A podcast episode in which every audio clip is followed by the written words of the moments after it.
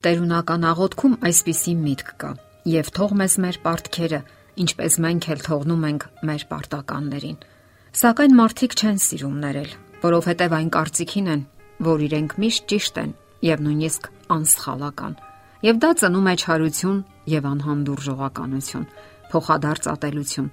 Սակայն գիտնականները բացահայտել են, որ չներելը միայն տիրոջն է վնասում եւ նույնիսկ առողջական հիմնախնդիրների պատճառ դառնում։ Մարդիկ հաճախ մտածում են, որ ներելը կամ սեփական սխալն ընդունելը միայն թույլ մարդկանց է հատուկ եւ որ ուժեղ ու ինքնավստահ անznավորությունը չի խնդրի դիմասինին, որ ների իրեն, սակայն այդ բոլորը շատ հեռու է իրականությունից։ Բժշկական հետազոտությունների բազմաթիվ կենտրոնների եզրահանգումները ցույց են տալիս, որ բարկությունը եւ հույզերի անզսպությունը այնպիսի մի հոգեվիճակ է, որը ծանր հարված է հասցնում ամենից առաջ հենց մարդուն, նրա առողջությանը։ Իսկ ահաններումը, ինչքան էլ որ դժվար լինի, համարվում է ազնիվ եւ առաքինի քայլ, որը ազատում է մարդուն վեճերի բոլոր բացասական հետևանքներից եւ օգնում է պահպանել ինչպես ֆիզիկական, այնպես էլ հոգեկան առողջությունը։ Իսկ միգուցե Աստված հենց դրա համար է մեզ առաջարկում ներել բոլոր մարդկանց անխտիր, չէ՞ որ նա հոգում է նաև մեր ֆիզիկական առողջության մասին։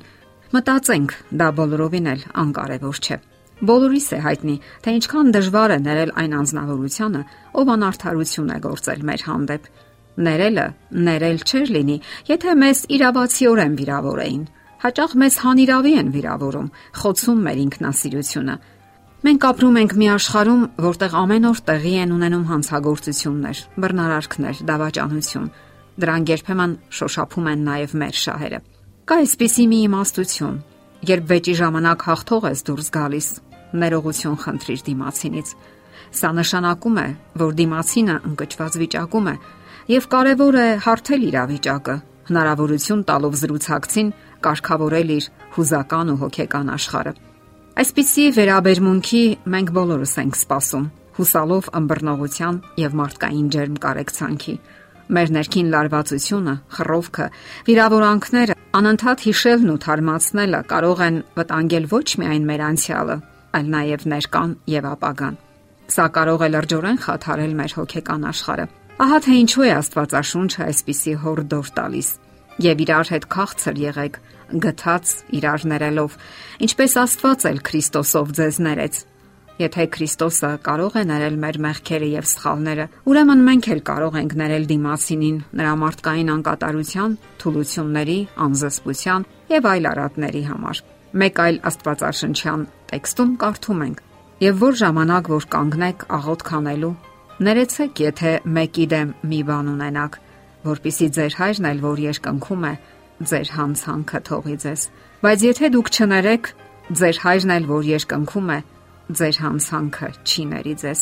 Իսկ մենք անկասկած կարող ենք ներել, որովհետև Եթե Քրիստոսը կարող է օգնության ձեռք մեկնել մեզ այն ժամանակ, երբ արժանի չէինք դրան, մենք նույնպես կարող ենք ձեռք մեկնել նրան, ով արժանի չէ դրան։ Եվ այդ ամենի արդյունքում մենք կարող ենք դառնալ բարի, կարեկից ու ներող։ Ներելու ցանկությունն արդեն կարող է ապակինել հոգին։ Երբ անցնում է վիրավորանքի առաջին ալիքը եւ բարկությունը մարում է, ապա գալիս է Աստծո բժշկության պահը։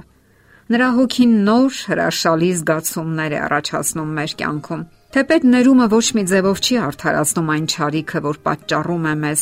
թեպետ ներումը ոչ մի ձևով չի արդարացնում այն ճարիքը, որ պատճառել են մեզ, սակայն այն ազատագրում է այդ մարդուն մեր դատապարտությունից, որովհետև Քրիստոսն էլ ազատ ագրել է մեզ իր դատապարտությունից։ Երբ մենք իրապես գիտակցում ենք, թե ինչքան է ներել մեզ Քրիստոսը, չենք կարող չներել նրան, ով մեզ ցավ է պատճառել Երբ մենք հասկանում ենք նրա ներումը, ինքներս ենք սկսում ներել։ Ներումը թե հոգևոր, թե հոգեբանական գործողություն է։ Այն նաև ապակինում է, բուժարար ազդեցություն ունի, ինչի մասին շատերը նույնիսկ չգիտեն։ Հոգեբանական գիտությունն այսօր լուրջ հաջողությունների է հասել եւ նորանոր հայտնագործություններ է անում։ Պարզվում է, որ հուզական ապակինման միակ առավել գործում պայմանը ներումն է։ Երբ ինչ որ մեկը մեզ ուժեղ ցավ է պատճառում, դա վնաս է հասցնում մեր հուզական աշխարհին,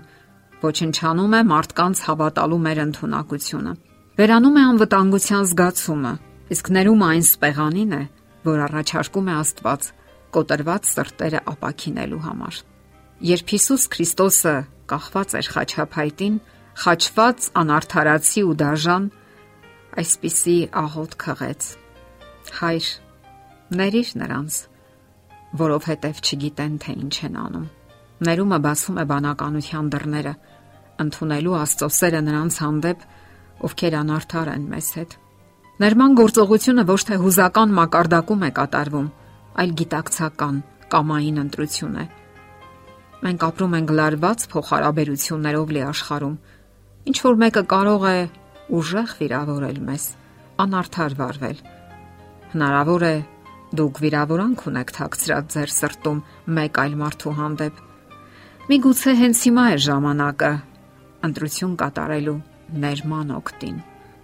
Բարկությունը, վիրավորանքն ու դառնությունը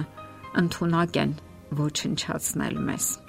Եթե Հիսուսը կարողացավ ներել նրանց, ովքեր անարթարացիորեն խաչեցին իրեն, դուք էլ կարող եք ներել նրանց, ովքեր անարթարացիորեն ցավ են պատճառել ձեզ։ Խնդրենք Տիրոջը, որ տա մեզ ներման հոգի այն մարդկանց հանդեպ, ովքեր վիրավորել են մեզ եւ դեռ կվիրավորեն։ Եվ կրկին հիշենք տերունական աղոթքը. Հայր, ներիր մեզ, ինչպես մենք էլ ներում ենք մեր պարտապաններին։ Եթերում է ղողանջ հավերժության հաղորդաշարը։ Ձեզ հետ է Գեղեցիկ Մարտիրոսյանը։ Հարցերի եւ առաջարկությունների դեպքում զանգահարեք 099 08 20 93 հեռախոսահամարով։ Հետևեք մեզ hopmedia.am հասցեով։